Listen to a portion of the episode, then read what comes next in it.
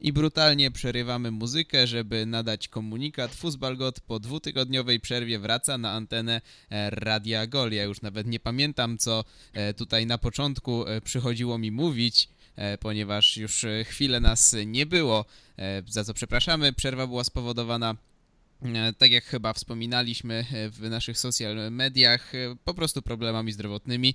Złota polska jesień okazała się najpierw dla mnie, później dla Maćka wyjątkowo brutalna. No a skoro już wspomniałem o Maćku, to witam cię serdecznie. Witam. Witamy także Kacpra. Cześć a ja nazywam się Krzysztof Bardel i w końcu e, w trójkę będziemy mieli sobie okazję porozmawiać przez około godzinę o e, niemieckiej Bundeslidze. Co dzisiaj? E, na pewno trochę o Freiburgu i myślę, że nie będziemy się ograniczać co do formy, porozmawiamy sobie tak generalnie o tym, co w Bundeslidze, ponieważ dopiero wracamy, że tak powiem, do ligowej rzeczywistości w, po do ligowej rzeczywistości po przerwie reprezentacyjnej. Wszyscy zdążyli już zapomnieć o tym, że Schalke się ośmieszyło w ostatniej kolejce z Köln, a Hoffenheim zlało e, Bayern. E, także Maćku, teraz oddaję Ci e, głos. Wiadomo w jakim celu. Więc tak, zaczniemy od anegdotki. Miesiąc temu zmarł legendarny trener Rudi Gutendorf, E, słynny trener Globetrotter poza pracą w klubach e, prowadził również aż 21 reprezentacji narodowych, praktycznie same egzotyczne, typu Fidżi, Wyspy Świętego Tomasza i Książęca i tak dalej. Sama jego historia e, życia jest absolutnie fascynująca, ale ogranicza się tutaj tylko do jednej śmiesznej ciekawostki. Na początku lat 80. Herta szukała nowego trenera i otrzymała wiele CV, m.in. od Hansa Tilkowskiego, Adolfa Remiego czy Friedricha Rauscha. No i swoje CV również wysłał Rudi Gutendorf na pocztówce z wysp Fidżi. Strasznie przeżywał potem to, że go nie wybrano. No, także taką króciutką ciekawostką rozpoczynamy e, Fußball God. Już nie pamiętam, który odcinek. To już będzie chyba ósmy wypadał, czy dziewiąty. Ósmy. Tak jest, ósmy. E, no.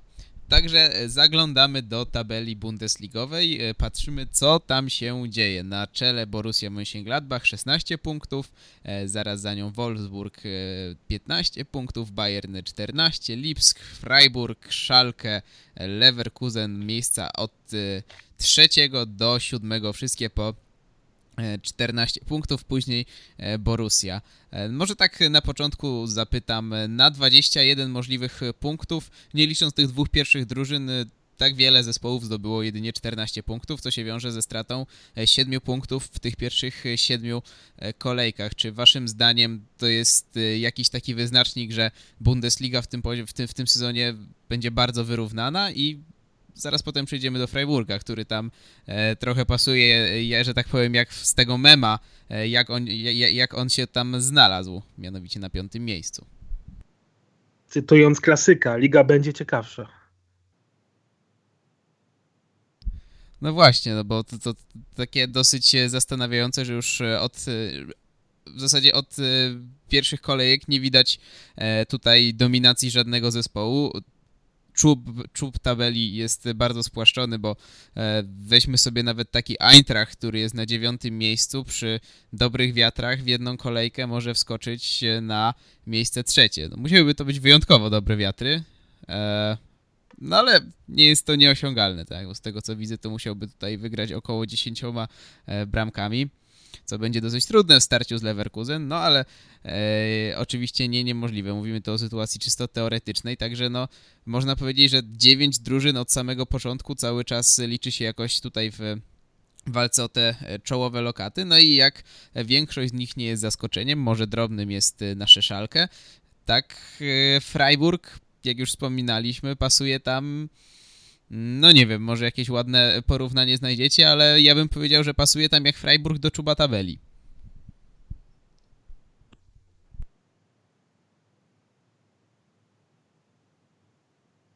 No ale to jest sytuacja przejściowa. Oni mieli, no spójrzmy jaki oni mieli terminarz. Oni mieli dość prosty terminarz.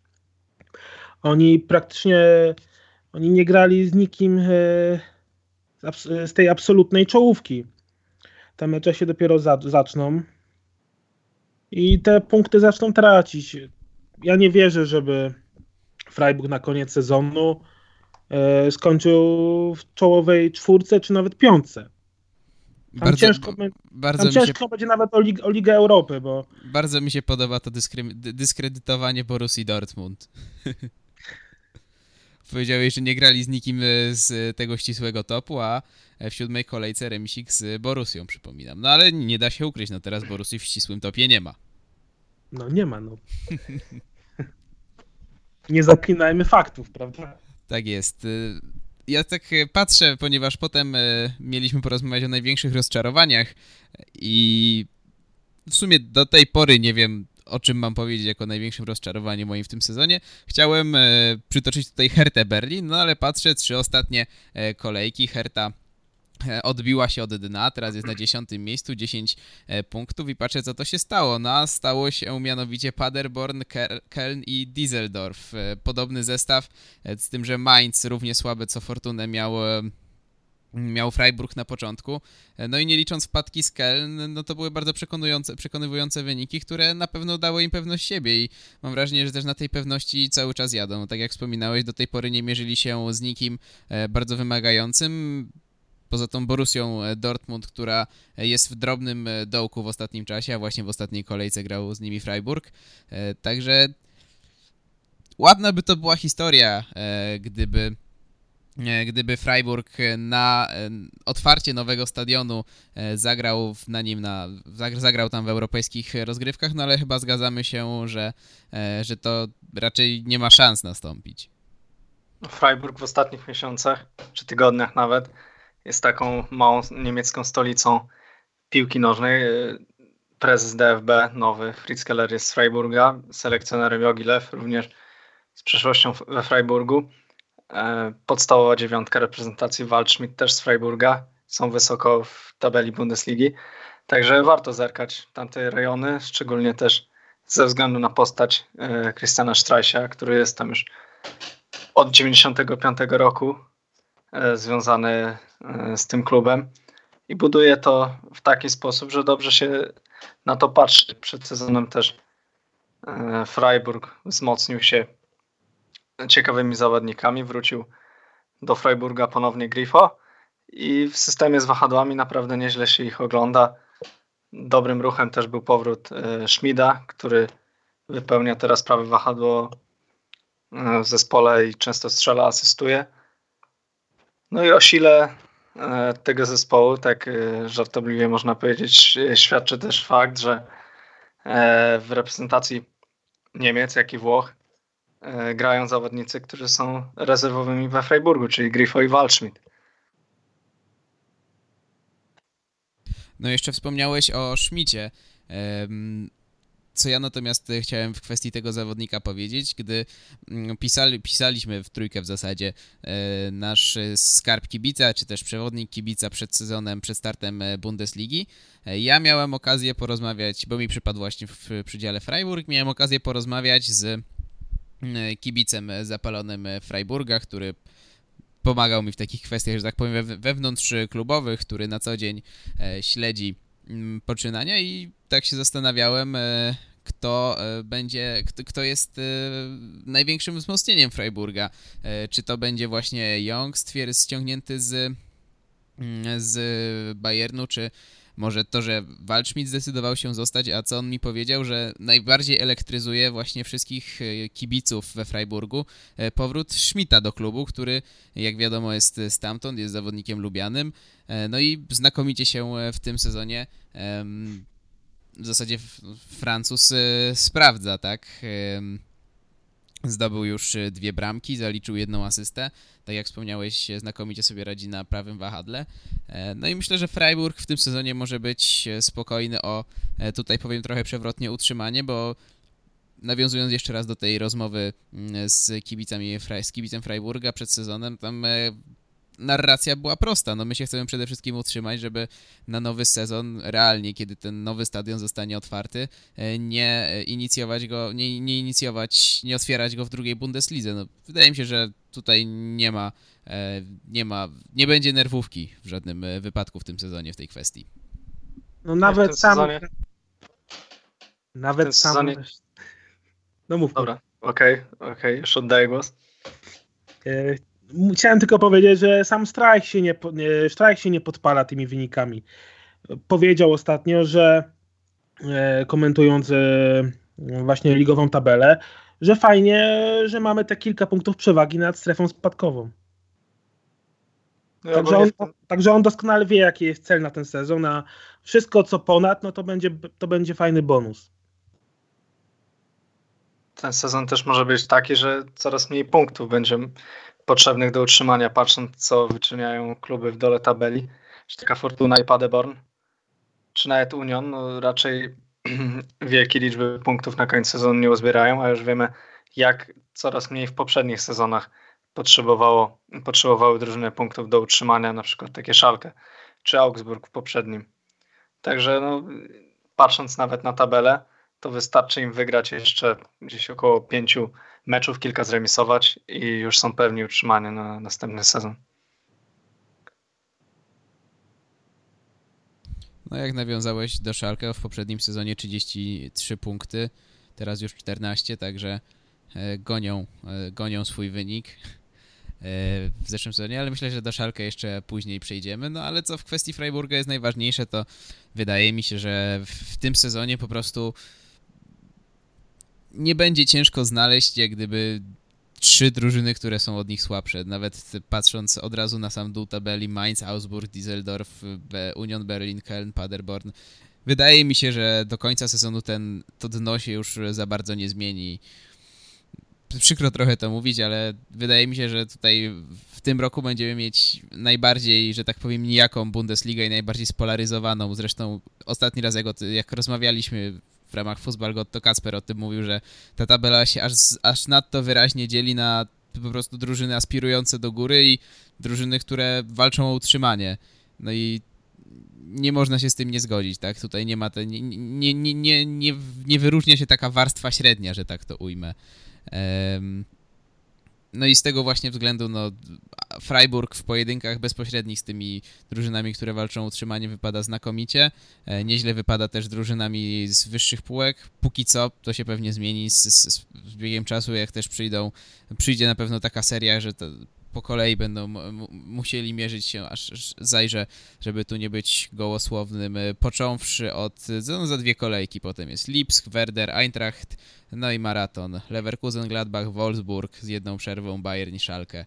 No i tak, taką mają końcówkę, więc ważne jest to, żeby oni teraz sobie też e, zrobili, że tak powiem, kapitał punktowy, bo później przyjdzie koniec sezonu i, no, i na koniec sezonu jak powiedzmy te słabsze kluby, jak na przykład Keln, które z kolei zaczyna obie rundy bardzo wymagającymi meczami, będzie mogło sobie nadrobić e, punkty, no to wtedy Freiburg musi mieć kalkulowane to, że z tymi potentatami, potentatami ligowymi e, punkty zgubi. Więc e, możemy tak, jak gdyby Freiburg po prostu realizuje, maks- maksymalizuje swój plan w walce o utrzymanie. Gdzie musi zdobywać punkty, tam zdobywa, żeby potem móc tracić. I ja chyba już więcej w tym temacie do powiedzenia nie mam. Na razie jeszcze mogą podtrzymać dobrą pasę, bo w sobotę jadą do Berlina zagrać z Unionem.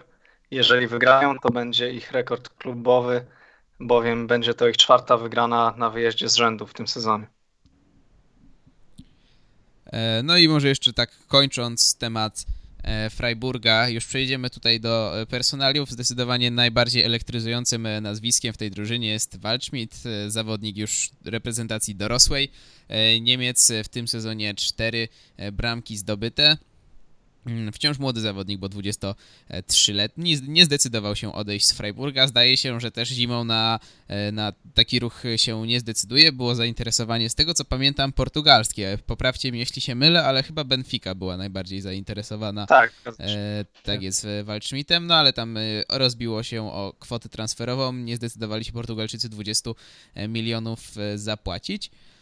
No a do nas docierają informacje o tym, jakoby Bayern miał być zainteresowany e, Waldschmidtem. Czy waszym zdaniem to byłoby dobry kierunek dla, e, dla, dla młodego napastnika, czy raczej byście celowali, nie wiem, może w Borussię, może e, w zastąpienie Timo Wernera w Lipsku, bo o ile by się taki wakant w, w Lipsku zrobił, czy może w ogóle wyjazd za granicę, na przykład powalczyć w Premier League, co jest marzeniem wielu, wielu zawodników? Jak dla mnie pozostanie w Bundesliga by było ok, ale na pewno nie jeszcze Bayern. Też pamiętajmy, jak, jak wygląda, wyglądały transfery zawodników ze słabszych klubów, bo jednak to jest duży przeskok Freiburg a Bayern. E, jak na przykład w przeszłości mieliśmy Petersena czy, e, czy nawet Podolskiego, którzy przychodzi ze słabszych klubów do Bayernu i nie potrafili się tam odnaleźć. No i w tej sytuacji, gdy Bayern ma Lewandowskiego, no to też gdzie miałby grać ten Waldschmidt, jeżeli zależy mu na regularny, regularnej grze, przebił się teraz do reprezentacji i taki ruch e, mógłby zablokować jego karierę na pewien czas. Także myślę, że taki krok pośredni e, Leverkusen, Dortmund, może Lipsk, żeby tam spróbować, a na Bayern jeszcze przyjdzie czas. Mają 23 lata. Jeszcze dwa sezony temu przecież był w Hamburgu i nikt nie spodziewał się nawet, że będzie o nim się rozmawiać w kontekście transferu do Bayernu. A jeżeli zagranica, no to pewnie gdzieś rejony angielskie, bo nie wierzę, że mm, kluby z innych lig byłyby w stanie zapłacić też i on może, czy by chciał odejść w ogóle do Włoch, czy, czy do Hiszpanii. Także myślę, że świetną decyzją było to, że pozostał jeszcze na ten sezon we Freiburgu. Pod okiem Strajsie naprawdę może się jeszcze rozwinąć. No a co dalej? Mm, tak jak mówiłem, klub lepszy, ale nie jeszcze z tego topu typu Bayern, tylko taka stacja pośrednia, tam dwa sezony udane i wtedy może myśleć o czymś więcej. No i zamykając już e, temat Freiburga, chyba że jeszcze Maciek będzie chciał coś dopowiedzieć, odezwał się do mnie w tym momencie na Twitterze pan Wojciech Janiuk, to jest ten anonimowy kibic e, Freiburga, o którym wspominałem chwilę wcześniej w kontekście w kontekście rozmowy przedsezonowej. Pozdrawiamy i dziękujemy za uzupełnienie. Cel niezmienny, 40 e, punktów to daje pewne utrzymanie, więc e, mamy potwierdzenie z bazy, że tak powiem. Freiburg e, tonuje nastroje i przede wszystkim nie popada w hura optymizm, liczy na spokojne utrzymanie w lidze i później może planowanie coś więcej, bo wiadomo, ładny wynik to też e, niezły e, kapitał e, na przyszłość. To co jeszcze Maciek, coś od ciebie, czy pędzimy dalej? Tak, jeszcze, jeszcze jedna rzecz ode mnie. Tak jak Kacper powiedział, że w tej chwili niemiecką piłką rządzi, rządzi Freiburg z Fritzem Kellerem jako prezydentem DFB na czele. I właśnie jak w ostatnim meczu było oficjalne pożegnanie Kellera i Sky pokaz, zamiast, zamiast pokazywać to, to pożegnanie, to puścili reklamy. No i Keller to potem skomentował. No tak, no to na pewno było ważniejsze. Przecież nie umarłem czy coś. No cóż. Eee, niewątpliwie nie umarł, tak jak nie umarły y, jeszcze szanse e, Borusi na mistrzostwo, chociaż wielu sceptycznych e, kibiców skłonnych do e, popadania w skrajne emocje już wieści, że e, Borussia straciła sezon, Lucien Favre do zwolnienia, e, nie ma mentalności, nie ma lidera, nie ma napastnika, e, nie ma obrony, nie wiem, środek pola chyba jeszcze jest. No i powiedzcie mi, czy są faktycznie te szanse Borussii na mistrzostwo? Oczywiście to jest durne pytanie, bo odpowiedź jest wiadoma, no ale jak waszym zdaniem to wygląda? Czego Borussii brakuje, żeby w końcu tak rzewnie obwieszczanym w tym sezonie stensezonować ten sezon, że tak powiem. Borussii przede wszystkim potrzebny jest jeden, ja to powtarzam już któryś raz z kolei, no ale taka jest prawda. Borussii potrzebny jest jeden mecz z mocnym rywalem, który wygra, który wygra pewnie, od początku do końca. To wtedy, wtedy ta drużyna w końcu się mentalnie odblok odblokuje. E, bo to, to już się robi nudne, to ciągłe powtarzanie Borussii brakuje mentalności, brakuje mentalności, ale taka jest prawda. Oni nie mają tej mentalności zwycięzców. E, Marco Reus miał być, miał być w tym sezonie miał być absolutnym liderem, który poprowadzi Dortmund do, do mistrzowskiej patery. No ale no niestety. E, rzeczywistość go, go przerosła. E, może i tam statystyki mu się zgadzają, ale absolutnie na boisku nie, nie pokazuje tego, co pokazywać miał. Teraz jest okazja, w sobotę grają, grają z liderem, grają u siebie. No ale dzisiaj się dowiedzieliśmy też, że Paco Alcacer ma, nie będzie grał. A Gladbach jest, jest yy, w strasznym gazie. Ale w Gladbach też mały szpital się szykuje, bo tam wypadł im liner. E, Gintera też chyba nie będzie, także tutaj ich szansa. No jak Gintera nie będzie, to to jest, wiesz, handicap dla Gladbach. To nie, niekoniecznie musi wpłynąć właśnie źle na Gladbach.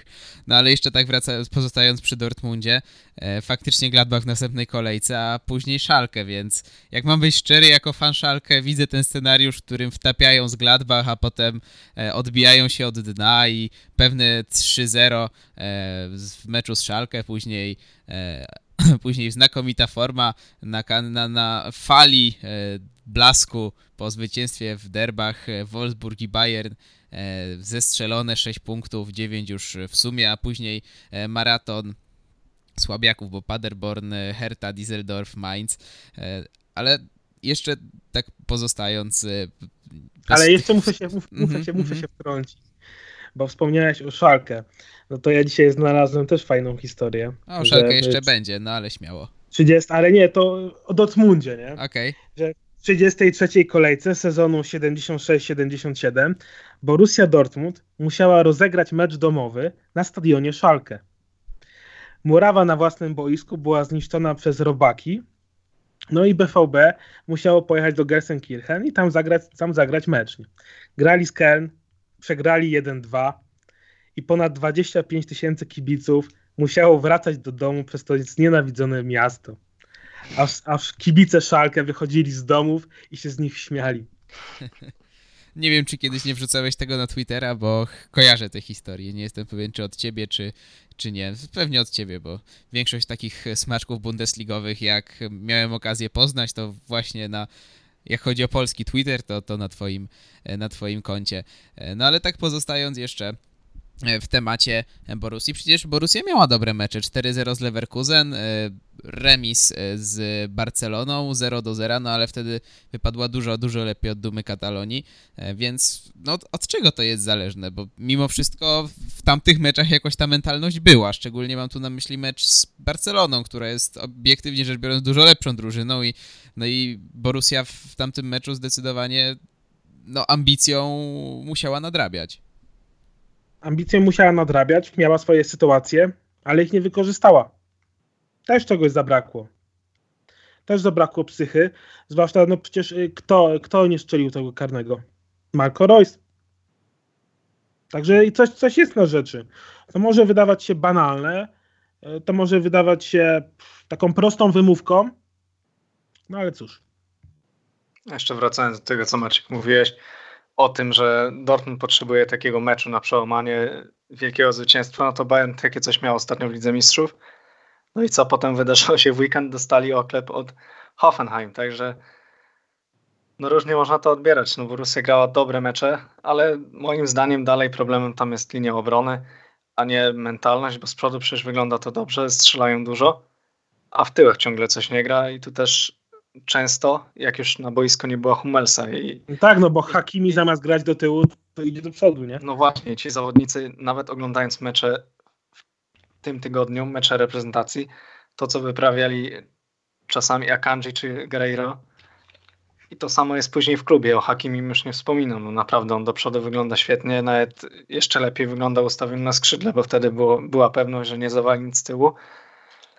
A, a w obronie zawsze jest problem i poczynili dobre transfery. Y, wrócił Hummels, jest Schulz, ale Schulz y, ostatnio kontuzjowany. Hummels też miał swoje problemy i właśnie w końcówce z meczu, w meczu z, z Eintrachtem, gdy Hummels już nie było na boisku, wtedy wypuścili zwycięstwo z rąk i, to tak wygląda. No, na mentalność można zrzucać różne rzeczy, ale to wszystko się bierze też z braku pewnych umiejętności. No i braku koncentracji w ostatnich minutach. No, to nie jest przypadek, że trzy mecze z rzędu oni tracą bramkę na 2-2 w ostatnich minutach. No tak, kierunkowy do Dortmundu 22 jak do Warszawy już. No ale e, jak tak um, zacząłeś temat tej obrony, nasunęła mi się jedna rzecz. E, Bild, z tego co mi się wydaje, dosyć niedawno pisał o tym, że w gruncie rzeczy Lucien Favre nie był zwolennikiem transferu Hummelsa i on chciał, żeby pozostał Diallo w klubie i to raczej szefostwo Borussii zdecydowało o tym, że Hummels wraca, bo w ich mniemaniu to właśnie takiego lidera brakowało e, w defensywie w zeszłym, w zeszłym sezonie w BVB. No i czy myślicie, że już Schulza też się to dotyczy, no ale jego jak gdyby w tym momencie nie obwiniam, bo po prostu nie gra, nie, nie przyłożył się w żaden sposób y, bezpośrednio y, do tych złych wyników obecnie Borusi. Czy waszym zdaniem y, może to tak wyglądać, że coś nie gra na linii Hummels-Favre, albo po prostu Favre nie potrafi jakoby zestawić tej linii defensywy e, na tyle dobrze, na ile robiłby to z Dialą. Mimo wszystko on był zwolennikiem tego, żeby to Francuz stworzył dalej środek obrony z Akanji, a nie Hummels. Mimo wszystko Favre może być jakiś problem. Też jak mam w pamięci z jakich nazwisk tworzył obronę Dortmundu Jurgen Klopp, gdzie tam e, często w parze grali Santana z Suboticem na lewej Schmelzer, no to nikt mi nie powie, że to są lepsi zawodnicy od tych w obecnej kadrze, także tutaj nie ma wymówki dla Fawra, po prostu powinien to poskładać, zwrócić może większą uwagę na grę w defensywie e, i to rozwiąże jakoś problem. No do przodu wygląda wszystko ok. E, tutaj nie ma się do czego przyczepić, chociaż wiadomo, że przy problemach zdrowotnych Alcacera przydałby się jeszcze jakiś napastnik. E, no ale może faktycznie coś nie gra na, na linii trener drużyna, tylko że też kiedyś takie coś było, e, niby jakiś problem na linii Tuchel zawodnicy, mm, ale jakoś nie wpływało to na, to na wyniki e, aż w takim stopniu, a, a później sami zawodnicy zaprzeczali, także nie dowiemy się prawdy. A, a to, co widzimy, to nie jest optymistyczne dla, dla fanów Dortmundu, bo przyjdą mecze z silnymi rywalami w lidze. Jeżeli tracą bramki, po dwie bramki z Freiburgiem, no to co będzie, jak tam przyjedzie mocniejsza ekipa? No, dwie bramki z Freiburgiem. E, no a teraz, tak jak wspominaliśmy, czeka nas Gladbach. I tak się zastanawiałem, czy przejść teraz do Borussii Mönchengladbach, ale stwierdziłem, że zostawimy sobie tę przyjemność, jeśli pokonają w przyszłym tygodniu Borussię Dortmund, bo w gruncie rzeczy to moglibyśmy teraz zachwycać się Szalkę, gdyby wygrało swój mecz, gdyby też inna, na przykład Bayern e, pokonał Hoffenheim, moglibyśmy mówić, że wspaniały lider, trzeba zwrócić e, uwagę, poświęcić i tak dalej, ale to mimo wszystko jest dalej jeden czy dwa punkty przewagi nad e, resztą stawki, więc na tyle jest spłaszczona ta tabela, że nie ma co przykładać szczególnej uwagi e, teraz do Gladbach i powiedzmy sobie, że tak, jeśli udowodnią, to my sobie pogadamy nawet i pół godziny e, o nich za tydzień. A teraz nie wiem, czy chcecie jeszcze przejść no do już jakiegoś... ostatnio Hoffen, Hoffenheim popsuło twoją teorię, nie? No właśnie, właśnie. Dlatego teraz że tak przypomnę. poczekać. Tak, e, przypomnę, bo mówiliśmy o tym, już brakło nam czasu, że Hoffen. Aha, mówiliśmy o tym, kto jest na fali, a, a kto jest e, na mieliźnie, czy jakoś tak. tak. A kto to nie, właśnie. No i powiedziałem o tym, że za tydzień poruszymy temat Szalkę, który jest na fali i Hoffenheim, które tonie, bo na pewno się nic tam nie wydarzy. Jedni z Köln, drudzy z Bayernem. Köln w dołku, Bayern ograł Tottenham 7 do 2. No i Szalkę straciło punkty, Bayern przegrał, Hoffenheim z punktami, e, także nie mała E, tragedia się stała. Zostało nam około pół godzinki, więc nie wiem, czy chcecie już przejść do e, rozczarowań i, i, i pozytywnych zaskoczeń, czy może jeszcze jakiś klub. Ja na pewno jeszcze chciałem jedną rzecz poruszyć, mianowicie Lipsk, ponieważ mm, gruchnęło ostatnio, że chyba nawet dzisiaj, że kilku e, zawodników Lipsk po sezonie e, straci, co może być dosyć bolesne, bo mowa tutaj przede wszystkim o e, Upamecano, który będzie miał klauzulę 60 milionów, klauzulę odejścia, rzecz jasna, 20-latek. Później mowa także o Klostermanie, który zapewne za około 30 milionów byłby dostępny. nie chce on przedłużać swojej umowy, która wygasa w 2021. Do Włoch ponoć ma chcieć uciec Deme, który także w 2021 kończy mm, okres swojej umowy z Lipskiem. Kolejny zawodnik, Kevin Campbell, także 2021 kontrakt 20-latek, chciałby zakosztować gry w Hiszpanii. No i dalej nie wiadomo, jak będzie wyglądała sprawa Timo Wernera i chyba tyle, chyba o nikim nie zapomniałem. Oprócz tego jeszcze Konrad Leimer, także 2021, ale on ponoć jest chętny na kontynuowanie współpracy. No i teraz mam do Was pytanie. Czy bardzo się to na Lipsku odbije, czy będą musieli znowu e, sięgać gdzieś tam do struktur, struktur Salzburga, czy wyszukiwać kolejny i wyszukiwać kolejnych e, zawodników też na innych rynkach? E, czy może ta polityka, że tak powiem, przyszłościowa jest jak gdyby skrojona właśnie pod to wydarzenie, bo wiemy, że nie, nie grało tak bardzo dużo w przeszłości Mukiel, który też może grać na środku chociaż e, raczej jest wykorzystywany jako prawy obrońca. E, w klubie jest też Tyler Adams, e, Hannes Wolf czy Christopher Nkunku. Wszyscy, cała trójka to młodzi zawodnicy, którzy jak najbardziej mogliby zastąpić Demę i, i właśnie Kampla. No i także w ataku jest chociażby ten Kunia ściągnięty, wciąż młody zawodnik i nieco drugoplanowy, który w perspektywie myślę, że może wejść w buty Wernera. Według mnie może to się odbić tylko na szerokości kadry, a jakość pierwszej jednostki zbytnio nie ucierpi. Może tylko po prawej stronie, gdzie odejście Klostermana byłoby jakimś problemem, ale patrząc też na to, że Lipsk e, umie przejść płynnie z gry trójką do czwórki obrońców, to na tę pozycję jest e, Mukiel.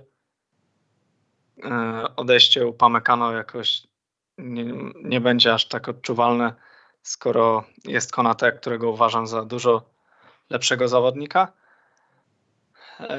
W środku pola Kamp czy, czy Deme to też nie są zawodnicy, bez których nie wyobrażamy sobie teraz pierwszej jedenastki. E, Lipskę także mając takie zaplecze w postaci Salzburga, czy idąc dalej naprawdę jest e, z czego wybierać zawodników. Na pewno wpadną na jakiś pomysł jeszcze ściągnięcia kilku zawodników z Francji. Także można dobrze zarobić na tych zawodnikach. Tak Kamp już nie jest e, przecież najmłodszy, Deme też e, będzie chciał spróbować czegoś innego, czyli można ich zarobić i nie osłabić zbytnio zespołu, także nie widzę tutaj problemu. Będą potrafili ułożyć to tak, żeby wyglądało to i dobrze w kolejnym sezonie. Ja uważam tak samo, to absolutnie nie wpłynie, nie wpłynie na Lipsk. Lipsk jest e, tak dobrze zorganizowanym klubem, myślącym przyszłościowo, że ewentualne odejście tych zawodników to nie spadnie na nich to jak grom z jasnego nieba, tylko już na pewno mają jakieś plany awaryjne, e, mają już, już oni mają kapitalną siatkę skautów, więc na pewno mają już przygotowanych piłkarzy na, E, na zastępstwo plus jeszcze e, plus, Nagel, plus przy Nagelsmanie tam wszyscy, wszyscy idą, idą, idą, mm, się rozwijają. Absolutnie.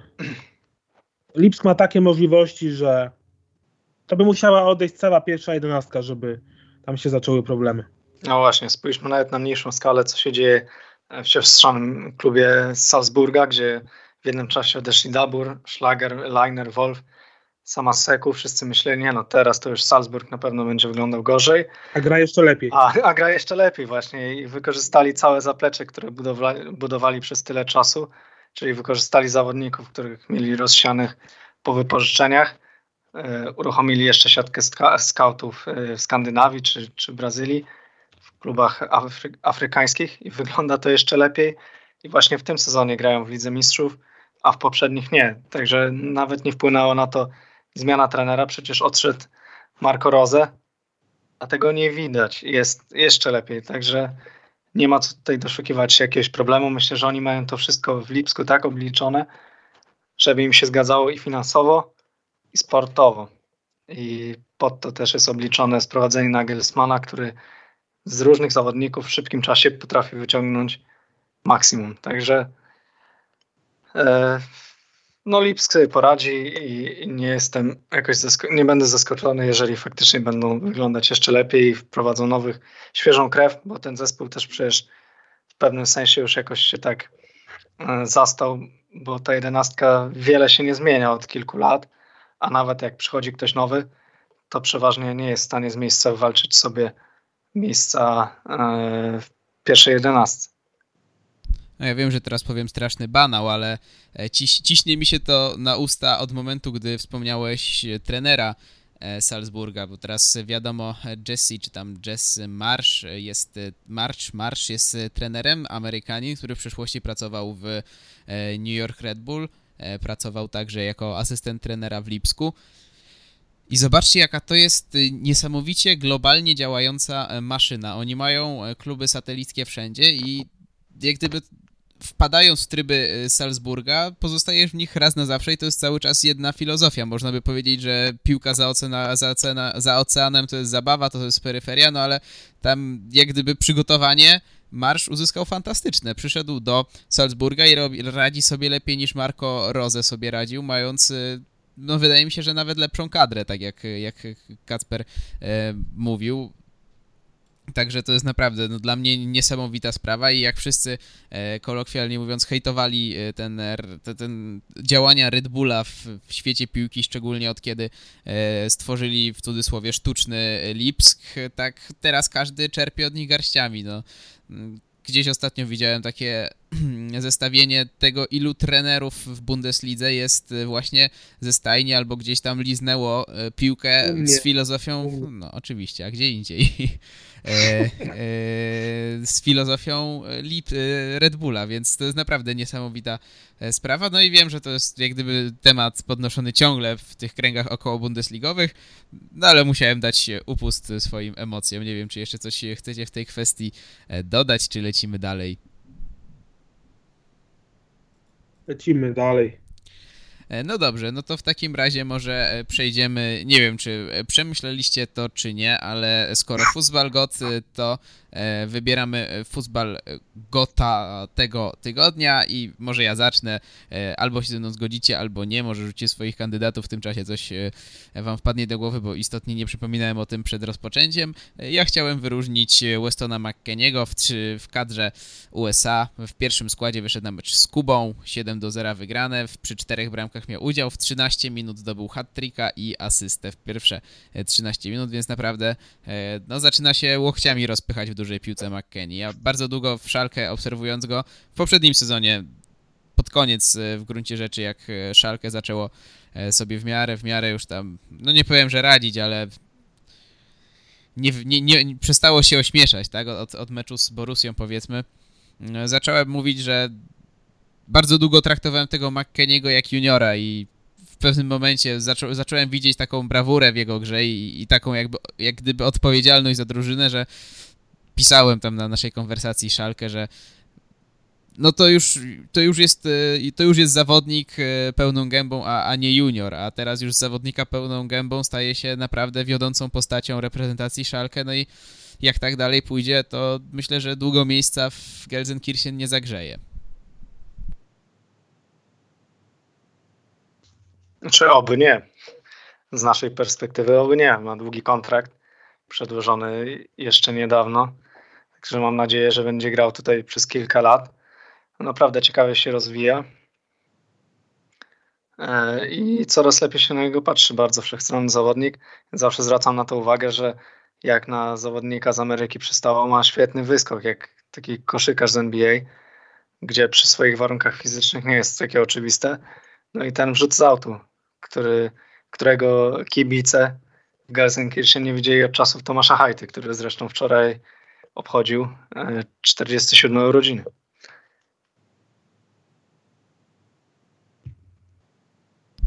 No, ale nie o panu e, Tomaszu tutaj mowa, także nie wiem, czy chcecie jeszcze jakiegoś zawodnika za miniony tydzień wyróżnić, czy już przechodzimy do tego, co Maciek zapowiadał na Twitterze. Emre Can.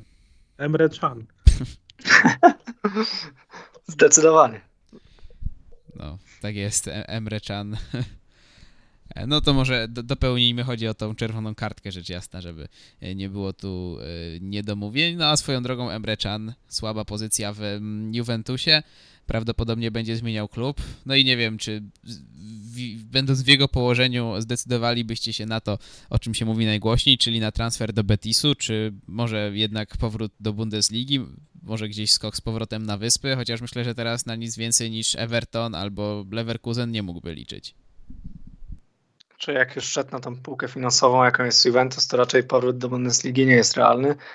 Czyli pewnie tak jak mówisz, Anglia albo gdzieś y, zakręci się w Hiszpanii. Też nie widzę jakiegoś klubu, mm, w którym on byłby niezbędny w Bundeslidze, żeby być e, czołową postacią i jeszcze ten klub byłby w stanie e, zaspokoić jego oczekiwania finansowe. Więc pewnie pójdzie do Anglii, faktycznie w jakimś Evertonie sobie pograł. Plus teraz, plus teraz te nastroje są wobec Czana i wobec Gundogana są takie, a nie inne w Niemczech. Więc wątpię, żeby się Czan pakował. Otóż to. E, no już, też... Może pomieńmy te kwestie, bo jeszcze można by tu było mówić o, o konsekwencjach, jakie St. Pauli wyciągnęło, jak Szalkę bierze kabaka na dywanik. Wszyscy wiemy o, czy, o, o, co chodzi z zawodnikami z Turcji, no ale nie czas i nie miejsce e, na e, rozmowy. Także przejdziemy teraz do największych zaskoczeń i pozytywnych i, i największych rozczarowań tego sezonu, bo już siedem kolejek minęło, pierwsze wnioski można wyciągać i E, może Maćku, ciebie pierwszego poproszę o to, żebyś e, się podzielił swoimi przemyśleniami, bo ja naprawdę miałem bardzo wielki problem, żeby coś oryginalnego tutaj wybrać, powiedzieć coś innego niż to, że nie wiem, Freiburg mnie zaskoczył, a rozczarowało Keln, chociaż chyba tak się skończy. Ja mam takie rozczarowania indywidualne, więc no, może nie są jakieś oryginalne, no ale trudno. No przede wszystkim bramkarz Augsburga. To jest dramat. Reko, rekord transferowy klubu za 7,5 miliona i przychodzi, no przychodzi po prostu bałwan. Po prostu jeśli oni spadną z ligi, to spadną przez niego, a jeszcze trener Augsburga mówi, że nie, że on stoi za nim. E, stoi za nim, e, on ma mm, zaufanie trenera, wszystkich, to ja nie wiem, jacy, jak słabi muszą być rezerwowi bramkarze Augsburga. No widzieliśmy w tamtym sezonie. No to też. No. Ale, ale aż chyba na taki poziom jak Kołbek się nie wzbili. Przecież wiadomo, każdy bramkarz w swojej karierze miał e, mniej kiksów, więcej kiksów, no ale Kobek to wyrabia normę za wszystkich w jednym sezonie. E, drugie, e, drugie takie rozczarowanie to jest Burgstaller, czyli coś, co wy doskonale znacie. Oczekiwałeś od niego czegoś więcej? No coś więcej niż, wiesz, ale wiesz, przy, przynajmniej jakieś, jakieś zachowanie jakichś pozorów, że jest, że jest ofensywnym napastnikiem, a nie defensywnym. Prawda? No, od, on oddał, dzisiaj to przeczytałem na Twitterze gdzieś, on oddał 21 strzałów do tej pory w lidze, zero bramek. Gorszy jest od niego tylko Kostić, który oddał 22 strzały, no ale ten przynajmniej strzela w lidze Europy. No tak, i oddaje strzały z takich pozycji tak. Z dalszej odległości, że to można jakoś uzasadniać, a Burgstaller przecież zmarnował kilka takich setek, że no szkoda no, gadać, a pokazał w przyszłości, że przecież umiał wykorzystywać takie sytuacje. Nie wiem, no myślałem, że chociaż dwie na koncie do tej pory powinien mieć. No ostatnio w wywiadzie dla Sportbilda powiedział, że, e, że już nie zagrałby w innym niemieckim klubie, no ale mógł, mógłby zagrać jeszcze w Australii, gdzie mieszkał jego brat i Niech bardzo mu polecał to, to, miejsce. Dokładnie takie, ta, taka była reakcja wszystkich kibiców. Hmm. No, tam jest e, niemiecki trener, chyba Markus Babel, także myślę, tak. że no tam poszedł tam, tam, tam Aleksander Meyer, nie? E, Pirmin Szwegle, Nikolaj Miller chyba. Nikolaj Miller teraz poszedł, dokładnie. No to tamte, w takiej ekipie mógłby się odnaleźć. Że ktoś się na Millera nabrał, to no to jednak Australia. No. Na tamte warunki to jeszcze nie jest taki zły zawodnik. Tak, tam YouTube jest do góry nogami. A propos właśnie Burgstallera, wczoraj szukałem takich cytatów odpowiednich, to znalazłem od trenera Uwe Klimaszewskiego, który powiedział kiedyś do dziennikarzy nie mogę odpowiadać na więcej pytań, muszę iść do moich piłkarzy. Oni są tak ślepi, że nie znajdą drogi z szatni do autokaru. Znaczy, to pasuje idealnie do Burgstallera. No i moje trzeci, trzecia, ostatnia taka wtopa to jest Jonathan Tach. Absolutnie oczekiwałem od niego, od niego więcej. On był kreowany na, na gwiazdę, gwiazdę defensywy, na przyszłość gry narodowej, no a ten sezon to ma ogromny spad. On co mecz to on popełnia jakieś błędy, mniejsze, większe, ale te błędy są zbyt regularne. Zbyt regularne na to, jakie były wobec niego oczekiwania na ten sezon. I wobec Tacha też mam jeden cytat od Klimaszewskiego. Jeden z dziennikarzy chciał wiedzieć, kiedy Klimaszewski sprzeda jakiegoś zawodnika. A ten odpowiedział, kiedy cena złomu pójdzie w górę.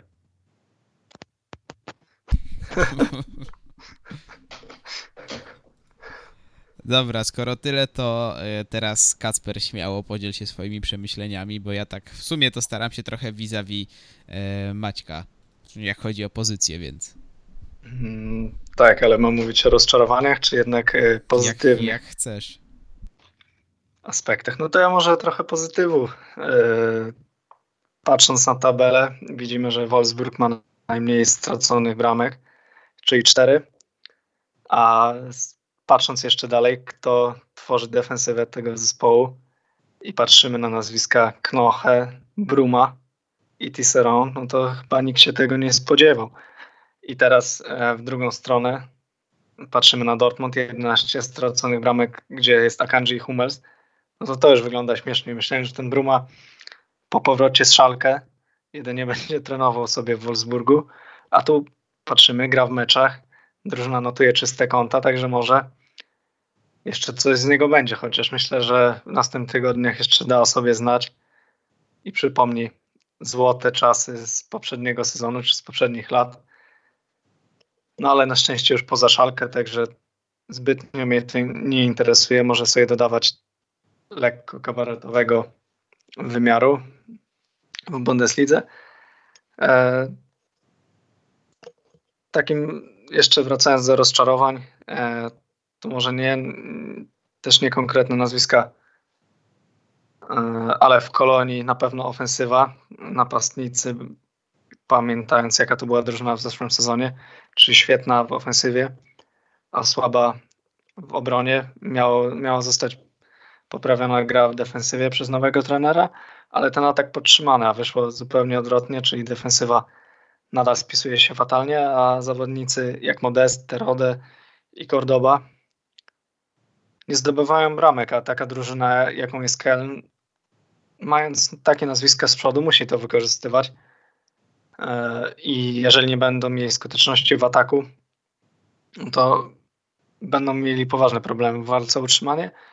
A takim nazwiskiem, które też dość mocno rozczarowuje i jest e, dużo słabszym elementem swojego zespołu niż w poprzednim sezonie, jest Andrzej Duda, który w ostatnim czasie stracił miejsce w składzie.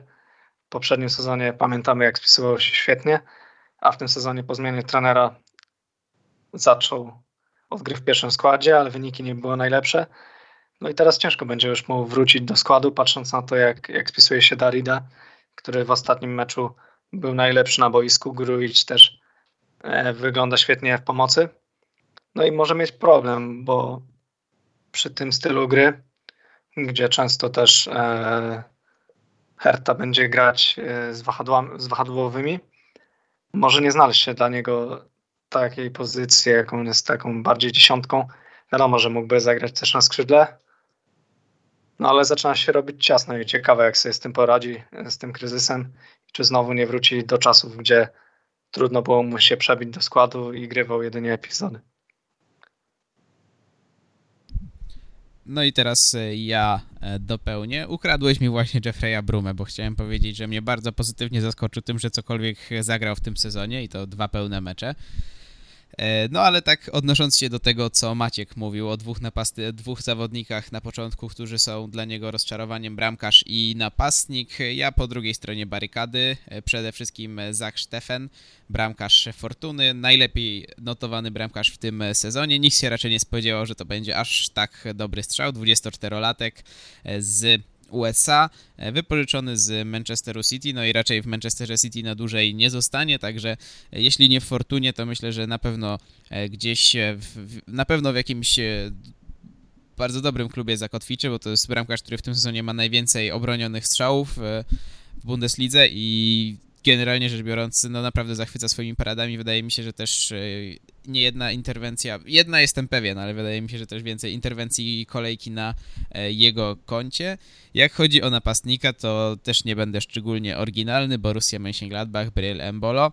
Trzy bramki w siedmiu meczach Bundesligi w tym sezonie, e, czyli no jak taką średnią podtrzyma, to w Szalkę miał 12 bramek w 61 meczach. Co prawda we wszystkich rozgrywkach, a nie, nie Bundeslidze, więc liczmy tak, że tutaj ma w 10 meczach 3 gole, no ale jeśli taką średnią podtrzyma, to w około 40 meczach by wyrobił średnią szalkę, a myślę, że pójdzie mu to dużo, dużo lepiej i jak widzę, jak sobie radzi w, w, tym sezonie, też koledzy z drużyny mówią o nim, że nie traktują go jako napastnika, tylko raczej nawet jako środkowego pomocnika, to wydaje mi się, że e, wreszcie Marco Rose odnalazł dla niego dobrą pozycję na boisku, bo w narzekaliśmy, że ni to środkowy napastnik, bo nie potrafi na sobie skupić uwagi, nie, nie, nie ma też wybitnego wykończenia, ni to skrzydłowy, bo jest e, trochę zbyt, e, że tak powiem, umieściony, zbyt kolokwialnie mówiąc klocowaty na tę pozycję, no a w środku pola radzi sobie znakomicie, świetnie współpracuje z Pleą i Turamem, więc tutaj na pewno wielki plus dla włodarzy Mönchengladbach, że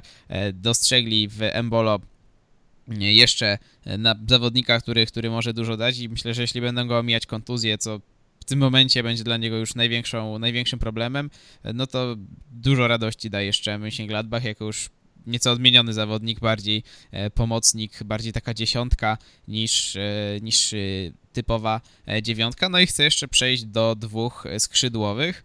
E, może troszkę na wyrost, ale też e, sam spodziewałem się po nich dużo, dużo więcej. E, przede wszystkim Dodi Luke Bacchio, 22-latek z Herty Berlin, poprzedni sezon w Fortunie Düsseldorf, bardzo dużo sobie życzył, bardzo duży hype był na tego zawodnika, chciało go Szalkę, chciały go kluby, kluby też z, z Anglii, też się mówiło o nim w kontekście Hoffenheim i Borussii Mönchengladbach. Ostatecznie zakotwiczył w Hercie Berlin, bo e, dzięki inwestor, nowemu inwestorowi tylko ten klub postanowił spełnić jego wymagania finansowe, którymi było z tego co pamiętam aż 6 milionów euro rocznie, e, plus kwota transferowa 20 milionów, rekord klubu z Berlina, więc naprawdę olbrzymie oczekiwania były wobec tego zawodnika na otwarcie z Bayernem. Zdobył co prawda bramkę, ale potem radził sobie bardzo słabo, był krytykowany we wszystkich trzech meczach, w, którym e, w których Herta przegrywała. Herta była już w bardzo kiepskiej e, sytuacji, Luke Bacchio nawet teraz usiadł na ławce i w ogóle nie wstał, no i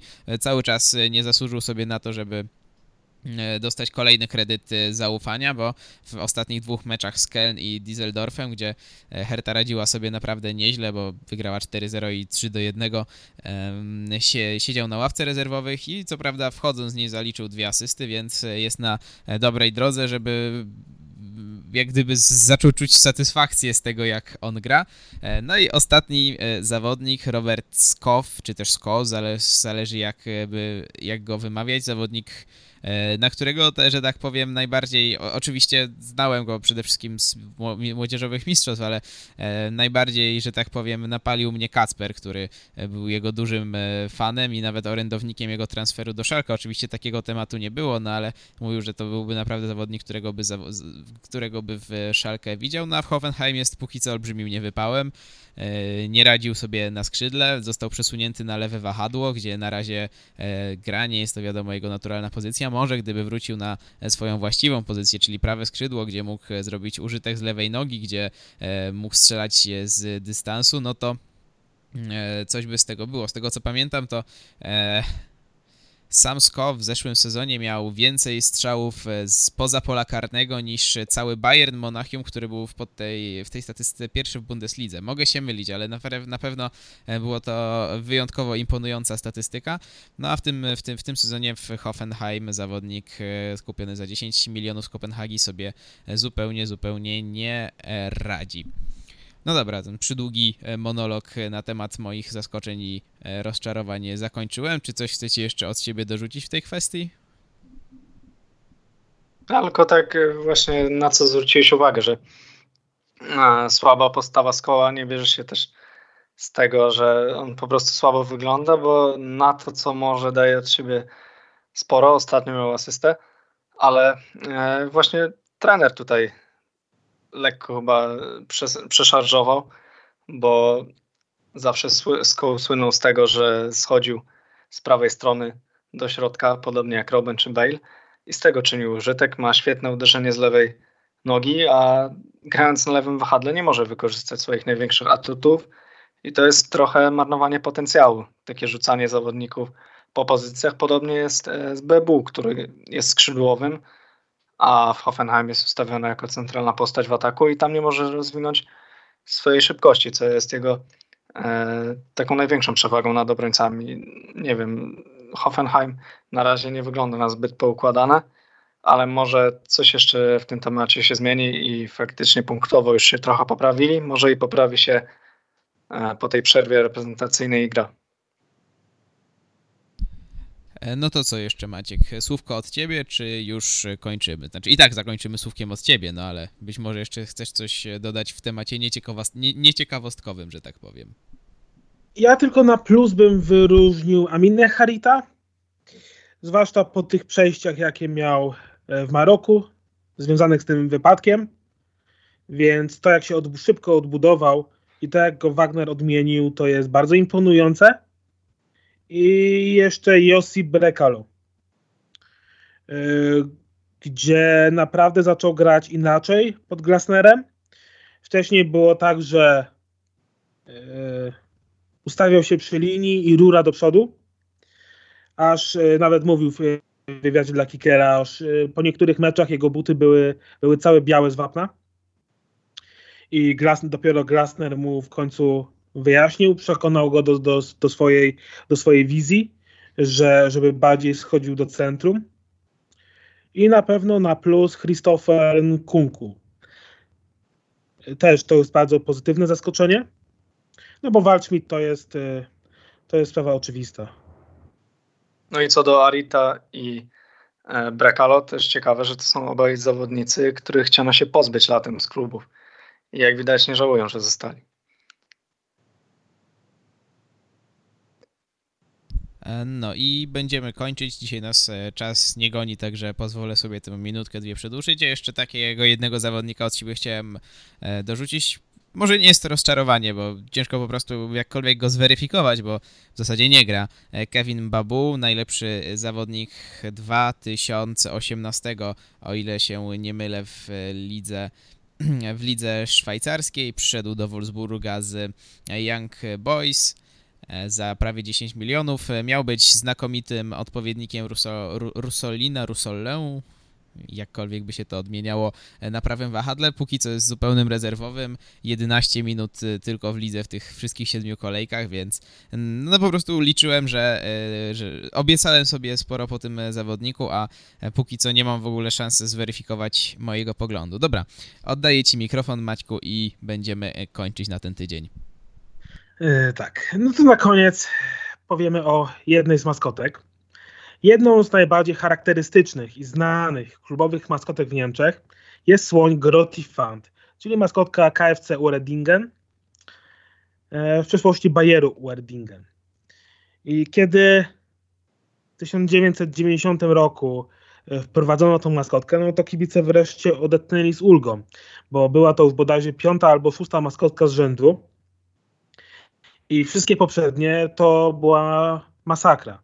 Tam była foka, osioł, nawet robot, gdzie to w ogóle, w ogóle nie miało jakiegoś przełożenia na związek z klubem. I jak oni wpadli na, na pomysł ze słoniem? W 1981 roku na mecz ówczesnego właśnie Bayeru Uerdingen Köln e, przygotowano atrakcję dla kibiców. Wypożyczono słonia z pobliskiego zoo, który miał strzelać karne rezerwowemu bramkarzowi e, w przerwie meczu. No niestety nie trafił w bramkę ani razu, ale motyw słonia się przyjął na dobre. No i swoją grą Guido Burgstaller postanowił uczcić e, to wydarzenie. E, Także będziemy kończyć. Maciej Iwanow, Dziękuję. Kasper Jagiełło Dzięki. i Krzysztof Bardel. Do usłyszenia, mam nadzieję, już bez komplikacji w przyszłym tygodniu.